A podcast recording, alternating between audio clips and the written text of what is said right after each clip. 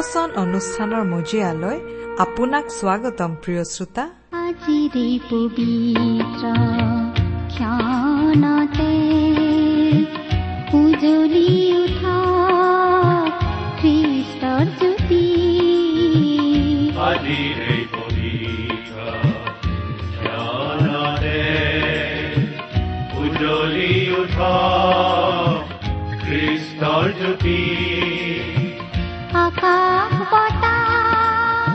ভক্তিবচন অনুষ্ঠানত আপোনাক পুনৰ লগ পাই আমি নথৈ আনন্দিত।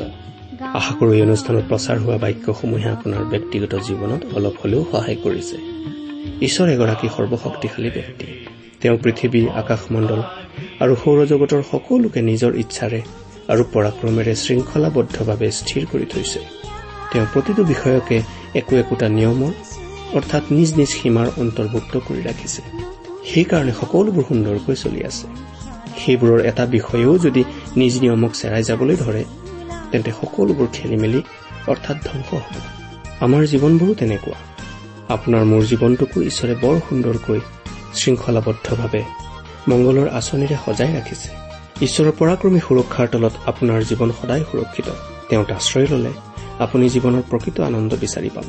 তেওঁৰ বাক্যই আপোনাক তেওঁৰ বিষয়ে আৰু অধিককৈ জানিবলৈ সহায় কৰাৰ আশাৰে এয়া আপোনালৈ আগবঢ়াইছো। ভক্তিবচন ইটি দুটি কৰি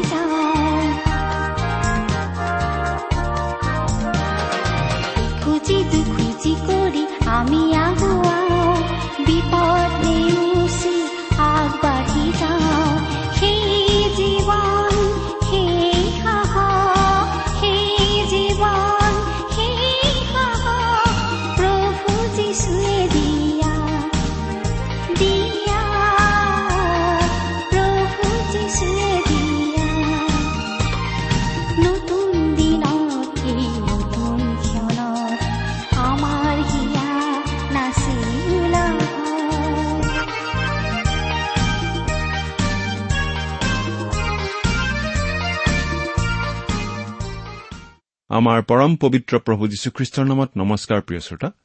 আশা কৰো মহান পিতা পৰমেশ্বৰৰ মহান অনুগ্ৰহত আপুনি ভালে কুশলে আছে। আপুনি বাৰু আমাৰ এই ভক্তিবচন অনুষ্ঠানটো নিয়মিতভাৱে শুনি আছেনে? শুনি কেনে পাইছে আমালৈ চিঠি লিখি জনাবচোন। আহকচোন আজিৰ বাইবেল অধ্যয়ন আৰম্ভ কৰাৰ আগতে খন্তেক প্ৰাৰ্থনাত মূৰ দুৱাওঁ। স্বৰ্গত থকা অসীম দয়ালু পিতৃ ঈশ্বৰ তোমাৰ মহান নামৰ ধন্যবাদ কৰো। তুমি সৰ্বশক্তিমান সৰ্বব্যাপী সৰ্বজ্ঞানী ঈশ্বৰ হৈও আমাৰ দৰে ক্ষুদ্ৰ মানৱক যে ইমান প্ৰেম কৰা সেই কথা ভাবিলেই আচৰিত হওঁ। তুমি আমাক ইমানেই প্ৰেম কৰিলা যে আমাক পৰিত্ৰাণ দিবলৈ তুমি তোমাৰ একেজাত পুত্ৰ যীশুখ্ৰীষ্টকেই আমালৈ দান কৰিলা। তেওঁ ক্ৰুচত নিজৰ পবিত্ৰ তেজেৰে আমাৰ পাপৰ প্ৰাচিত্য কৰিলে। আজি তেওঁত বিশ্বাস কৰি আমি অনন্ত জীৱন লাভ কৰি তোমাক পিতৃ বুলি মাতিব পৰা হৈছো। তাৰ বাবে তোমাক অশেষ ধন্যবাদ পিতা। এতিয়া আমি তোমাৰ মহান বাক্য বাইবেল শাস্ত্ৰ অধ্যয়ন কৰিবলৈ ওলাইছো প্ৰাৰ্থনা কৰিছো। তোমাৰ বাক্য তুমিয়েই আমাক বুজাই দিয়া।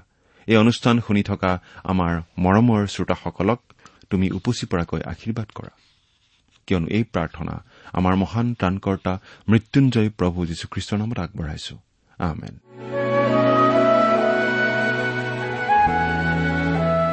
প্ৰিয় শ্ৰোতা আপুনি বাৰু আমাৰ আগৰ অনুষ্ঠানটো শুনিছিল নে আমাৰ এই বাইবেল অধ্যয়নৰ অনুষ্ঠানত আমি বাইবেলখন ইমূৰৰ পৰা সিমূৰলৈ অধ্যয়ন কৰিম।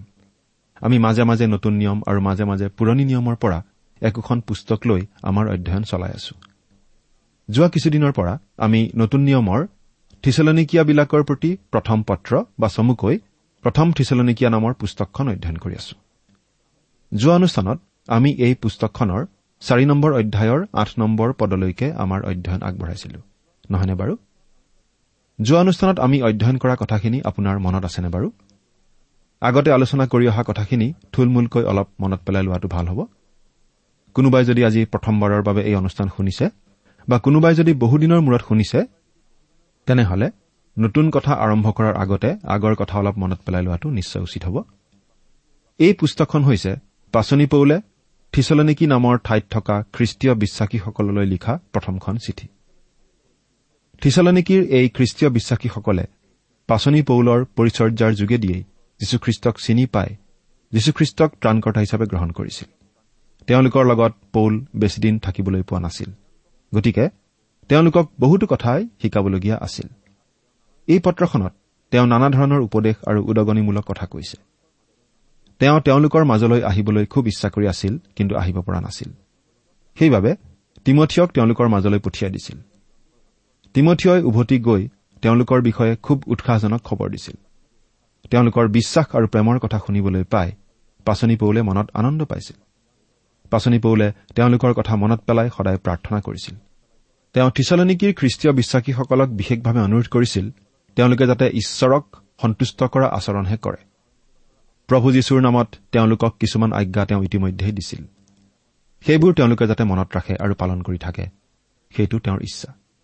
ঈশ্বৰে বিচাৰে প্ৰতিজন খ্ৰীষ্টীয় বিশ্বাসীয়ে যাতে পবিত্ৰ হয় আৰু বেবিচাৰ আদিৰ পৰা আঁতৰি থাকে। ঈশ্বৰক চিনি নোপোৱা ঈশ্বৰ বিশ্বাস নকৰা লোকবিলাকৰ নিচিনা কামাভিলাসৰ বশৱৰ্তী হৈ নচলি তেওঁলোকে পবিত্ৰতা আৰু আদৰ যত্নেৰে নিজৰ শৰীৰক বচাই ৰখা উচিত। খ্ৰীষ্টীয় বিশ্বাসী লোকসকলে আনক ঠগোৱা প্ৰবঞ্চক হোৱা উচিত নহয়। প্ৰভু পৰমেশ্বৰহে প্ৰতিফল দিওঁতা। প্ৰভু পৰমেশ্বৰে প্ৰতিজন খ্ৰীষ্টীয় বিশ্বাসীকেই পবিত্ৰতালৈহে আমন্ত্ৰণ কৰিছে। অসুচিতালৈ নহয়। সেই কথা প্ৰতিজন খ্ৰীষ্টীয় বিশ্বাসীয়ে মনত ৰখা উচিত। এই কথাটো অগ্ৰাহ্য কৰা মানে ঈশ্বৰকেই অগ্ৰাহ্য কৰা হ'ব। ঈশ্বৰেই খ্ৰীষ্টীয় বিশ্বাসীজনক পবিত্ৰ আত্মা দান কৰে। যীশুখ্ৰীষ্টক প্ৰভু আৰু ত্ৰাণকৰ্তা বুলি গ্ৰহণ কৰাৰ লগে লগেই পবিত্ৰ আত্মা বিশ্বাসীজনৰ হৃদয়লৈ আহে আৰু তেওঁতেই নিবাস কৰে। পবিত্ৰ আত্মা পবিত্ৰ গতিকে খ্ৰীষ্টীয় বিশ্বাসীজনে অপবিত্ৰ জীৱন যাপন কৰা উচিত নহয়। আচলতে খ্ৰীষ্টত বিশ্বাস কৰাৰ পাছত অপবিত্ৰ বা অসুচী জীৱন যাপন কৰি কেতিয়াও তেওঁ আনন্দ পাব নোৱাৰে। কেতিয়াবা ভুল কৰিলেও অনুতাপ কৰি আকৌ ভাল পথলৈ আহিবলৈ পবিত্ৰ হবলৈ ইচ্ছা কৰিবই। এতিয়া আমি বাইবেলৰ পৰা পাঠ কৰি দিব খুজিছো। আপোনাৰ বাইবেলখন মিলি লৈছেনে বাৰু? লগত কাগজ কলম লৈ ললে খুব ভাল হয়। কিছুমান কথা লিখি নথলে পাহৰি যোৱা যায়। কিবা জানিবলগীয়া কথা থাকিলেও এতিয়া লিখি নথলে পাছত পাহৰি যাব পাৰে। বাৰু এতিয়া পঢ়ি দিছো। শুনিবচোন। প্ৰথম থিচলে নেকিয়া চাৰি নম্বৰ অধ্যায় ন নম্বৰ পদ। ইয়াত এনেদৰে লিখা আছে ভাতৃপ্ৰেমৰ বিষয়ে তোমালোকলৈ লিখা অপ্ৰয়োজন কিয়নো তোমালোকে নিজে পৰস্পৰ প্ৰেম কৰিবলৈ ঈশ্বৰৰ শিক্ষিত লোক। এতিয়া পাচনি পৌলে প্ৰেমৰ বিষয়ে উল্লেখ কৰিছে আৰু তেওঁ যি কথা কৈছে আমাৰ অলপ আচৰিত লাগে। প্ৰেমৰ বিষয়ে বাইবেলত আমাক বাৰে বাৰে সোঁৱৰাই দিয়া হৈছে। ইয়াত প্ৰেম বুলি কওঁতে অৱশ্যে আমি সচৰাচৰ ৰাইজে বুজা ডেকা ডেকেৰীৰ প্ৰেমৰ কথা কোৱা নাই। ইয়াত যি প্ৰেমৰ কথা কোৱা হৈছে সেই প্ৰেম নিস্বাৰ্থ প্ৰেম স্বৰ্গীয় প্ৰেম। তাত কামনা বাসনা নাই। এই কথাটো বাইবেলত অতি স্পষ্টভাৱে কোৱা হৈছে যে প্ৰতিজন খ্ৰীষ্টীয় বিশ্বাসীয়ে আন খ্ৰীষ্টীয় বিশ্বাসীসকলক প্ৰেম কৰা উচিত ভাল পোৱা উচিত। এই প্ৰেম আচলতে অলৌকিক। এনেকুৱা প্ৰেম ঈশ্বৰেই মানুহক শিকায়। আচলতে যীশুখ্ৰীষ্টক গ্ৰহণ কৰি পবিত্ৰ আত্মা লাভ কৰাৰ পাছত পবিত্ৰ আত্মাৰ শক্তিৰেহে আমি আনক নিস্বাৰ্থভাৱে প্ৰেম কৰিব পৰা হওঁ। প্ৰেম পবিত্ৰ আত্মাৰ এটা বৰ। পবিত্ৰ আত্মাৰ সহায় নহলে কোনেও শত্ৰুক প্ৰেম কৰিব নোৱাৰে। কিন্তু খ্ৰীষ্টীয় বিশ্বাসী লোকজনে আনকি শত্ৰুকো প্ৰেম কৰিব পৰা অৱস্থা পায়গৈ যদিহে পবিত্ৰ আত্মাক তেওঁৰ জীৱন নিয়ন্ত্ৰণ কৰিবলৈ দিয়ে। প্ৰেম আনন্দ শান্তি চিৰসহিষ্ণুতা মৰম মংগল ভাৱ বিশ্বাস মৃদুভাৱ ইন্দ্ৰিয় দমন এই সকলো আত্মাৰ ফল। গালাটীয়া পাঁচ অধ্যায় বাইশ পদ। এই প্ৰেম কেৱল এটা কাল্পনিক ধাৰণা নহয়। এটা বুজিব নোৱাৰা ধাৰণা নহয়। আমি আগতেও আলোচনা কৰি আহিছো যে প্ৰেম এটা মাত্ৰ বিমূৰ্ত ধাৰণা হৈ থাকিব নোৱাৰে। ব্যৱহাৰিক জীৱনত প্ৰকাশ পোৱা আমি অনুভৱ কৰিব পৰা হ'ব লাগিব। প্ৰকৃত প্ৰেম কাৰ্যক্ষেত্ৰত প্ৰকাশ পাই উঠিবই। এই স্বৰ্গীয় প্ৰেম খ্ৰীষ্টীয় বিশ্বাসীসকলৰ হৃদয়ত উৎপন্ন কৰিব পাৰে কেৱল পবিত্ৰ আত্মাইহে। ইয়াৰ আগৰ পদটোত পাচনি পৌলে পবিত্ৰ আত্মাৰ কথা উল্লেখ কৰিছিল আৰু তাৰ ঠিক পাছতেই এতিয়া ভাতৃপ্ৰেমৰ কথা কৈছে। তেওঁ লিখিছে ভাতৃপ্ৰেমৰ বিষয়ে তোমালোকলৈ লিখা অপ্ৰয়োজন। কিয়নো তোমালোকে নিজে পৰস্পৰ প্ৰেম কৰিবলৈ ঈশ্বৰৰ শিক্ষিত লোক। ভাতৃপ্ৰেমৰ কথা তেওঁলোকে জানেই। তেওঁলোকক আকৌ সোঁৱৰাই দিয়াৰ প্ৰয়োজন নাই। তেওঁলোক ঈশ্বৰৰ শিক্ষিত লোক। গতিকে আনে কোৱাৰ আগতেই তেওঁলোকে পৰস্পৰক প্ৰেম কৰিবলৈ শিকিছে। খ্ৰীষ্টীয় বিশ্বাসীসকলক ঈশ্বৰেই কথাবোৰ বুজাই দিয়ে যদিহে ঈশ্বৰৰ সৈতে সহভাগিতা ৰক্ষা কৰি চলে যদিহে ঈশ্বৰক সেই সুবিধা দিয়ে। আচলতে বাইবেল পঢ়াৰ সময়তো একমাত্ৰ পবিত্ৰ আত্মা ঈশ্বৰেহে আমাক কথাবোৰ বুজাই দিব পাৰে। আমি আমাৰ নিজৰ বিদ্যাবুদ্ধি খটুৱাই হয়তো ডাঙৰ ডাঙৰ কথা ক'ব পাৰোঁ নানা ধৰণে কথাবোৰ বিশ্লেষণ কৰিব পাৰোঁ কিন্তু প্ৰকৃত গুঢ়াৰ্থ আমাক দেখুৱাই দিব পাৰে একমাত্ৰ ঈশ্বৰেহে। ঈশ্বৰেই আমাৰ প্ৰকৃত শিক্ষক। ঈশ্বৰে আমাক প্ৰয়োজনীয় কথাবোৰ শিকায় যাতে আমি আম্মিক জীৱনত অগ্ৰসৰ হ'ব পাৰোঁ। এই শিকা কাৰ্যটো কেতিয়াও শেষ নহয়। আমি এই পৃথিৱীত থকালৈকে আমাৰ শিক্ষা চলি থাকিব। ঈশ্বৰৰ পৰা আমি বহুতো কথা শিকিবলগীয়া থাকিবই।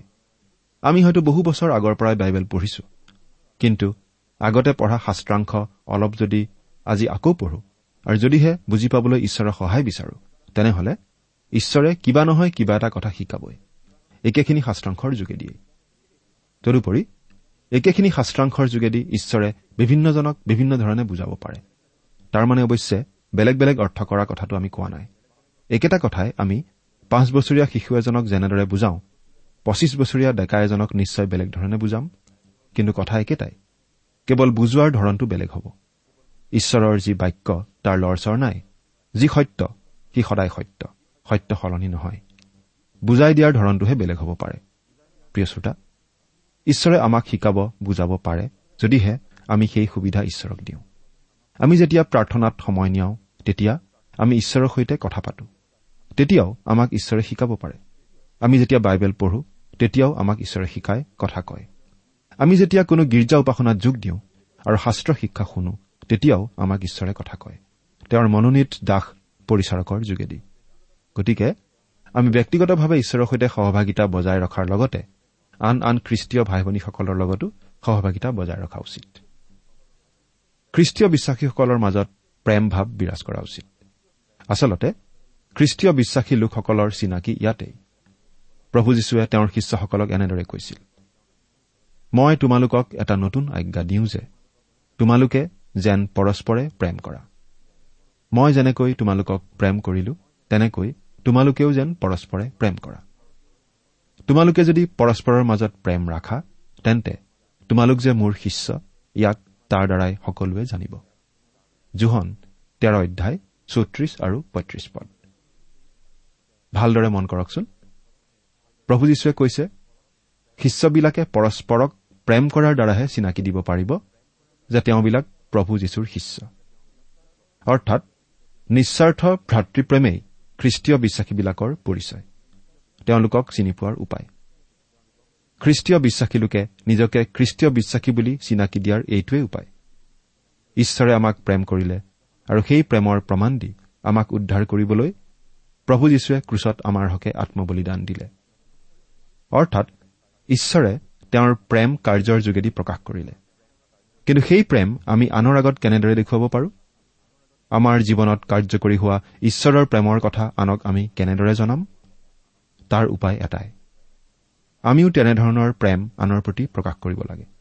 আমি হ'ব লাগে ঈশ্বৰৰ প্ৰেম প্ৰকাশ কৰা মাধ্যমৰ নিচিনা। আমাৰ যোগেদিয়েই ঈশ্বৰৰ প্ৰেম জগতৰ আগত প্ৰকাশ পাব লাগে। প্ৰভু যীশুক ত্ৰাণকৰ্তা বুলি গ্ৰহণ কৰিলে মানুহে পৰিত্ৰাণ লাভ কৰে আম্মিকভাৱে নতুন জন্ম লাভ কৰে। এটা নতুন স্বভাৱ লাভ কৰে আৰু হৃদয়ত থিতাপি লয় পবিত্ৰ আত্মাই। পবিত্ৰ আত্মাৰ শক্তিৰেহে প্ৰকৃত প্ৰেম প্ৰকাশ কৰিব পৰা যায়। আনকি শত্ৰুকো ক্ষমা কৰি প্ৰেম দেখুৱাব পৰা শক্তি দিয়ে পবিত্ৰ আত্মাই। এইটো এটা তত্ত নহয় এটা ধাৰণা নহয়। এইটো ব্যৱহাৰিক জীৱনত ঘটা কথা। খ্ৰীষ্টীয় বিশ্বাসী লোকৰ জীৱনত কম বেছি পৰিমাণে এই স্বৰ্গীয় প্ৰেম প্ৰকাশ পাই উঠে। অৱশ্যে আমি আমাৰ জীৱনত পবিত্ৰ আত্মাক কিমানখিনি কাম কৰিবলৈ সুবিধা দিওঁ তাৰ ওপৰতো এই কথাটো নিৰ্ভৰ কৰে। প্ৰিয় শ্ৰোতা আনৰ প্ৰতি প্ৰেম প্ৰদৰ্শন কৰাটো যে প্ৰতিজন খ্ৰীষ্টীয় বিশ্বাসীৰ দায়িত্ব সেই কথা যদি আমি মনত ৰাখো আৰু যদি আনৰ প্ৰতি প্ৰেম প্ৰদৰ্শন কৰিবলৈ ইচ্ছা কৰো তেনেহলে আমি নিশ্চয় কৰিব পাৰিম কাৰণ পবিত্ৰ আত্মাই আমাক সহায় কৰিবই। তদুপৰি এটা কথা আমি স্বীকাৰ কৰিবই লাগিব যে খ্ৰীষ্টীয় বিশ্বাসীসকলৰ মাজত পৰস্পৰৰ প্ৰতি প্ৰেম ভাৱ ৰখাটো বেছি সহজ হয় কাৰণ খ্ৰীষ্টীয় বিশ্বাসী মানেই ঈশ্বৰৰ সন্তান। গতিকে একেটা পৰিয়ালৰে সদস্য। আৰু একেটা পৰিয়ালৰ সদস্যৰ মাজত প্ৰেমৰ ভাৱ থকাটো স্বাভাৱিক। সৰু সুৰা কথাত অমিল থাকিলেও একেটা পৰিয়ালৰ লোকৰ মাজত প্ৰেমৰ ভাৱ থাকে। প্ৰিয় শ্ৰোতা আমি যেতিয়া আন খ্ৰীষ্টীয় বিশ্বাসী লোকসকলক আমাৰ একেটা আম্মিক পৰিয়ালৰ লোক বুলি মনত ৰাখিম তেওঁলোকক প্ৰেম কৰাটো আমাৰ বাবে সহজ হ'ব। আচলতে স্বতঃস্ফূৰ্তভাৱেই প্ৰেমৰ ভাৱ প্ৰকাশ পাব। কিন্তু দুখৰ বিষয় আমাৰ মাজত প্ৰায়েই তাৰ বিপৰীত অৱস্থাটো আমি দেখা পাওঁ। তাৰ বহুতো কাৰণ থাকিব পাৰে। হয়তো বহুতো লোক প্ৰকৃত অৰ্থত খ্ৰীষ্টীয় বিশ্বাসী নহয় হয়তো নামধাৰী খ্ৰীষ্টিয়ান। আনকি খ্ৰীষ্টীয় বিশ্বাসী হলেও যদি আম্মিকভাৱে বৃদ্ধি পাব জনা নাই যদিহে পবিত্ৰ আত্মাৰ দ্বাৰা নিয়ন্ত্ৰিত হৈ জীৱন কটাবলৈ শিকা নাই তেনেহলেও আমাৰ মাজত ভাতৃ প্ৰেমৰ অভাৱ দেখা যাব পাৰে। পাচনি পৌলে থিচলনিকীয়া খ্ৰীষ্টীয় বিশ্বাসীসকলক ভাতৃপ্ৰেমৰ কথা সোঁৱৰাই দিয়াৰ প্ৰয়োজন বোধ কৰা নাছিল কাৰণ তেওঁলোকে ইতিমধ্যেই ভাতৃপ্ৰেম প্ৰকাশ কৰি আহিছিল পৰস্পৰৰ মাজত। প্ৰিয় শ্ৰোতা আমাৰ বিষয়ে বাৰু আনে তেনেকৈ ক'ব পাৰিবনে? নে আমাক ভাতৃপ্ৰেমৰ কথা সদায় সোঁৱৰাইহে দিব লগা হয়? এতিয়া দহ নম্বৰ পদটো পঢ়িছো। আৰু বাস্তৱিক সমুদায় মাকিদনীয়া নিবাসী সকলো ভাইবিলাকলৈ তাক কৰিছা। কিন্তু সেই ভাইবিলাক তোমালোকক বিনয় কৰি কওঁ তোমালোক আৰু অধিককৈ উপচি পৰা। থিচলনিকীয়া খ্ৰীষ্টীয় বিশ্বাসীসকলে তেওঁলোকৰ ভাতৃপ্ৰেমৰ প্ৰমাণ দি আহিছিল। কিন্তু তেওঁলোকক প্ৰেমৰ ক্ষেত্ৰত আৰু অধিক উপচি পৰিবলৈ পৌলে উদগনি দিছিল। খ্ৰীষ্টীয় বিশ্বাসীসকলৰ মাজত থকা যি ভাতৃপ্ৰেম এই ভাতৃপ্ৰেম এনেকুৱা এটা বিষয় যিটো বিষয়ত অনবৰতে বৃদ্ধি পাই থাকিব লাগে। আমি কোনেও এই বিষয়ত সম্পূৰ্ণ সিদ্ধ অৱস্থা পোৱা বুলি দাবী কৰিব নোৱাৰো। বাইবেলত খ্ৰীষ্টীয় বিশ্বাসী সকলো লোককে সাধু বুলি কোৱা হৈছে। কিন্তু আমি জানো বহুতো এনে সাধুৰ জীৱনত আমি ভবা আৰু আশা কৰা ধৰণে প্ৰেম প্ৰকাশ পাই নুঠে। তেনে এটা কথা প্ৰকাশ কৰিয়েই এজন কবিয়ে ইংৰাজী কবিতা এটা লিখিছিল। তাৰ অসমীয়া ৰূপান্তৰ এনেধৰণৰ হ'ব। ঊৰ্ধলোকত সাধুৰে সৈতে প্ৰেমত বাস কৰিবলৈ পোৱাটো হ'ব এটা গৌৰৱময় অভিজ্ঞতা।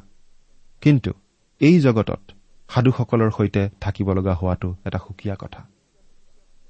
এই থিচলনিকীয়া বিশ্বাসীসকলেও পৰস্পৰে পৰস্পৰৰ প্ৰতি প্ৰেমৰ ভাৱ প্ৰদৰ্শন কৰি আহিছিল। কিন্তু তেওঁলোকৰ ভাতৃপ্ৰেম নিশ্চয় চূড়ান্ত পৰ্যায় পোৱাগৈ নাছিল। তেওঁলোক ভাতৃপ্ৰেমৰ ক্ষেত্ৰত নিশ্চয় সম্পূৰ্ণ সিদ্ধ হোৱা নাছিল। উন্নতি কৰিবলগীয়া বিষয় নিশ্চয় বহুত আছিল। আচলতে কোনো খ্ৰীষ্টীয় বিশ্বাসীয়েই কোনো বিষয়তে সম্পূৰ্ণ সিদ্ধ হোৱা বুলি দাবী নকৰে। সকলো দিশতে উন্নতি কৰি থকাই হ'ব লাগে আমাৰ লক্ষ্য। খ্ৰীষ্টীয় বিশ্বাসী লোকসকলৰ মাজত মতভেদ থাকিব পাৰে। মতভেদ থাকেই। কাৰণ মানুহভেদে চিন্তাধাৰা অলপ বেলেগ বেলেগ হয়। উদাহৰণস্বৰূপে দুজন খুব ভাল খ্ৰীষ্টীয় বিশ্বাসীৰ মাজতো অমিল থাকিব পাৰে খ্ৰীষ্টৰ শুভবাৰ্তা ঘোষণা কৰাৰ পদ্ধতিকে লৈ। এজনে যিদৰে কৰে আনজনে সেইদৰে নকৰিবও পাৰে বা সেইটো পচন্দ নকৰিবও পাৰে। কিন্তু অতি আচৰিত কথা কি জানেনে প্ৰিয় শ্ৰোতা? এনেকুৱা মতৰ অমিল থাকিলেও ইজনে আনজনক ভাল পাব পাৰে খ্ৰীষ্টীয় ভাতৃত্ব প্ৰেমৰ ভাৱেৰে। কোনো ভাই বা ভনীৰ কিবা বিষয় আমাৰ ভাল নালাগিব পাৰে। কিন্তু আমি যদি খ্ৰীষ্টীয় বিশ্বাসী তেন্তে তেনেকুৱা ভাই বা ভনীৰ প্ৰতিও আমি অন্তৰত কোনো বেয়া ভাৱ নৰখাকৈ চলিব পৰা হওঁ। প্ৰিয় শ্ৰোতা আমাৰ খ্ৰীষ্টীয় বিশ্বাসৰ এইটোৱেই এটা সহজে চকুত পৰা প্ৰমাণ। এই ভাতৃপ্ৰেমৰ যোগেদিয়েই আমি নিজকে খ্ৰীষ্টীয় বিশ্বাসী বুলি জগতৰ আগত প্ৰমাণ কৰি দিব পাৰোঁ। আমাৰ সমাজত থকা তথাকথিত খ্ৰীষ্টিয়ান লোকসকলৰ মাজৰ কোনসকল লোক প্ৰকৃত বিশ্বাসী তাৰো প্ৰমাণ আমি পাব পাৰোঁ এই ভাতৃপ্ৰেমৰ পৰীক্ষাৰ দ্বাৰাই। আমিও নিজকে পৰীক্ষা কৰি চোৱা উচিত। আমি বাৰু আনক প্ৰেম কৰোনে এতিয়া এঘাৰ আৰু বাৰ নম্বৰ পদ দুটা পঢ়ি দিছো। আৰু বাহিৰ লোকবিলাকলৈ তোমালোক যেন শিষ্টাচাৰী হোৱা আৰু তোমালোকৰ যেন একো অভাৱ নহয়। এইকাৰণে আমি দিয়া আদেশ অনুসাৰে শান্ত হবলৈ আৰু নিজ নিজ ব্যৱসায় চলাবলৈ আৰু নিজ হাতে পৰিশ্ৰম কৰিবলৈ মনোযোগ কৰা। পাচনি পৌলে তেওঁলোকক শান্ত হবলৈ নিজ নিজ ব্যৱসায় চলাবলৈ আৰু নিজ হাতে পৰিশ্ৰম কৰিবলৈ কৈছে যাতে তেওঁলোক আন লোকসকলৰ প্ৰতি শিষ্টাচাৰী হ'ব পাৰে আৰু তেওঁলোকৰ একোৰে অভাৱ নহয়। আমি দিয়া আদেশ অনুসাৰে শান্ত হবলৈ। আমি দিয়া আদেশ অনুসাৰে শান্ত হবলৈ। আমি নানাবিধ পাঠ্যক্ৰম দেখিবলৈ পাওঁ। আনকি কেনেদৰে কাপোৰ কানি পিন্ধি সাজি কাচি ওলাব লাগে তাৰো পাঠ্যক্ৰম আছে। কেনেদৰে সমাজৰ আগত বক্তৃতা দিব লাগে তাৰো পাঠ্যক্ৰম আছে। কিন্তু আমি ভাবো শান্ত হবলৈ শিকোৱা পাঠ্যক্ৰমহে আমাক বৰ প্ৰয়োজন নহয়নে বাৰু? শান্ত হবলৈ খ্ৰীষ্টীয় বিশ্বাসীসকলক বিশেষ আদেশ দিয়া হৈছে। এই কথাটো যদিহে আমি গুৰুত্ব সহকাৰে ললোহেঁতেন আমাৰ মাজৰ বহুতো সমস্যা নোহোৱা হৈ গ'লহেঁতেন। বেছিভাগ সভা তথা কাৰ্যসূচী সুচাৰুৰূপে পৰিচালিত হলহেঁতেন। আমি শান্ত কেনেদৰে হ'ব পাৰো? শান্ত হবলৈ আমি ইচ্ছা কৰিব লাগিব আৰু শান্ত হোৱাত আমাক পবিত্ৰ আত্মাই সহায় কৰিব। নিজ নিজ ব্যৱসায় চলাবলৈ। এইটো খ্ৰীষ্টীয় বিশ্বাসীসকলৰ বাবে আন এটা আজ্ঞা। আন কথাত আমি নিজৰ নিজৰ ব্যক্তিগত কামত মন দিয়া উচিত। নিজৰ নিজৰ ব্যৱসায় আমি চলোৱা উচিত। আনৰ কথাত হস্তক্ষেপ নকৰি আমি নিজৰ নিজৰ কামত ব্যস্ত থকা উচিত। নিজৰ হাতত যি কাম আছে তাকেই ভালদৰে কৰা উচিত। আনৰ দুখ খুচৰিবলৈ নগৈ নিজে উত্তম ৰূপে নিজৰ কাম কৰি যোৱা উচিত। নিজ হাতে পৰিশ্ৰম কৰিবলৈ। খ্ৰীষ্টীয় বিশ্বাসীসকলক পৰিশ্ৰমী হবলৈ কোৱা হৈছে। নিজ হাতে কাম কৰিবলৈ কোৱা হৈছে। বাইবেলত এলাহ আৰু সুৰুপালিৰ বিৰুদ্ধে চোকা ভাষাৰে কোৱা হৈছে। আনকি কাম নকৰা মানুহে আহাৰ গ্ৰহণ কৰাও উচিত নহয় বুলি কোৱা হৈছে। অৰ্থাৎ কোনোবাই যদি কাম নকৰে তেওঁ খোৱা উচিত নহয়। তেওঁ লঘোণে থকা উচিত। এনেকুৱা ধৰণৰ চোকা ভাষা বাইবেলত ব্যৱহাৰ কৰা হৈছে। পৰিশ্ৰম বুলি কওঁতে অৱশ্যে কেৱল চাকৰি বাকৰি ব্যৱসায় বাণিজ্যৰ ক্ষেত্ৰত কৰা পৰিশ্ৰমকেই ইয়াত বুজোৱা হোৱা নাই। আমি ঈশ্বৰৰ হকেও এলাহ নকৰি পৰিশ্ৰম কৰা উচিত।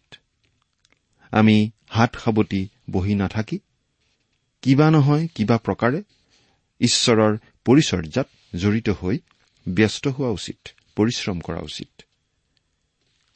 প্ৰতিজন খ্ৰীষ্টীয় বিশ্বাসীয়েই যদি এনেদৰে পৰিশ্ৰম কৰিলেহেঁতেন আমাৰ সমাজখন একেবাৰে সলনি হৈ গ'লহেঁতেন নহয়নে বাৰু? প্ৰিয় শ্ৰোতা এদিন আমি প্ৰভু যীশুখ্ৰীষ্টৰ আগত আমাৰ সকলো কামৰ হিচাপ দিব লাগিব। সেইদিনা পৰিশ্ৰমী আৰু বিশ্বাসীজনে পাব বিশেষ পুৰস্কাৰ।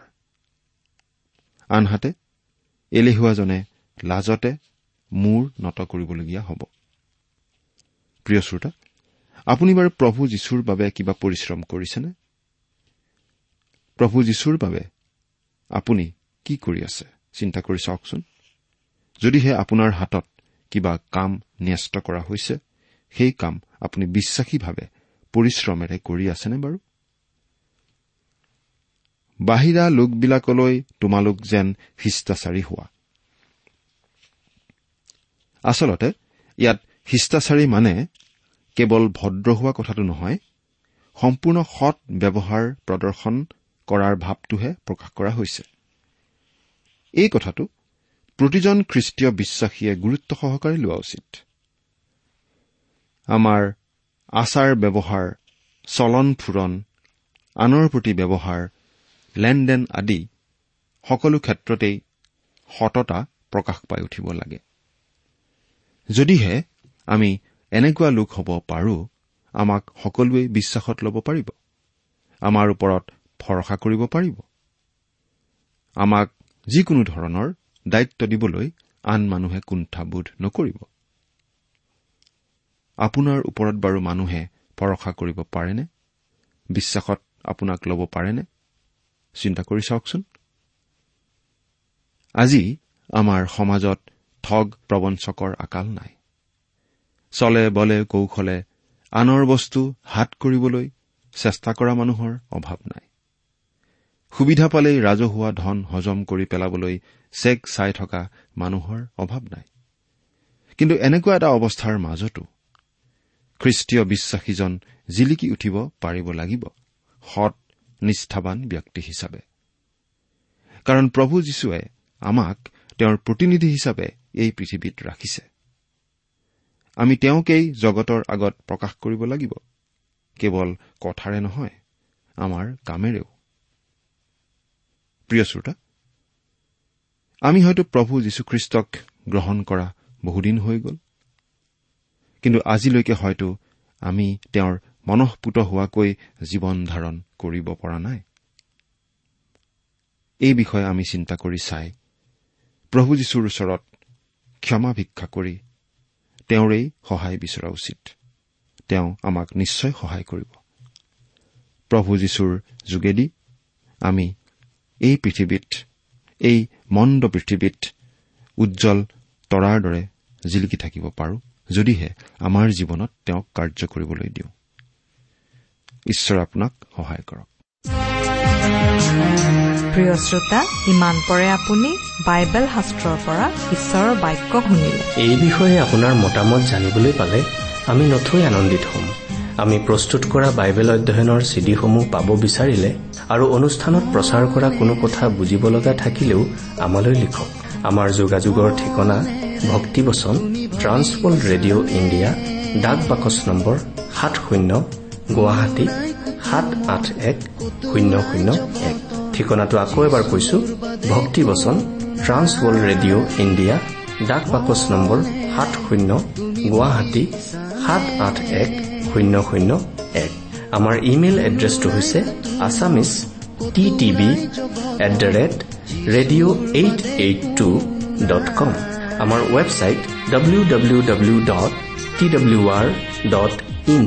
আপুনি টেলিফোনৰ মাধ্যমেৰেও আমাক যোগাযোগ কৰিব পাৰে।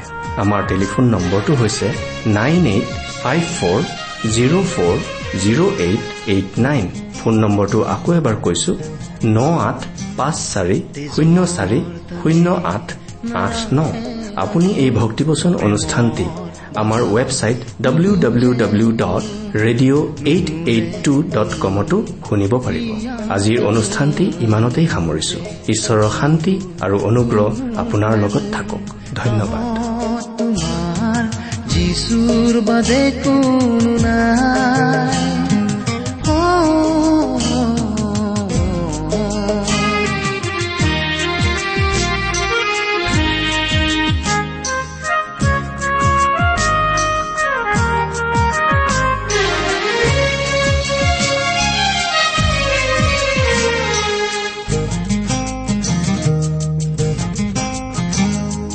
লাগে যদি অহাৰে ভৰা পৰিপূৰ্ণ জীৱন গাথা যিচুৰ তেজে দিয়ে পূৰ্ণতা যিচুৰ কথাই চকুলো মুছে যিচুৰ বাদে কোনো নাই তোমাৰ কাহ মনেৰে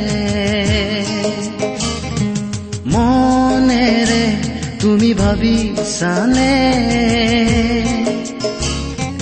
কোনো নাই কুতুমৰ কতো নাই জগতৰ যিচুৰ বাদে কোনো নাই। কোনো নাই কুতুমৰ কতো নাই জগতৰ যিচুৰ বাদে কোনো নাই। যিচুৰ বাদে কোনো নাই। যিচুৰ বাদে কোনো নাই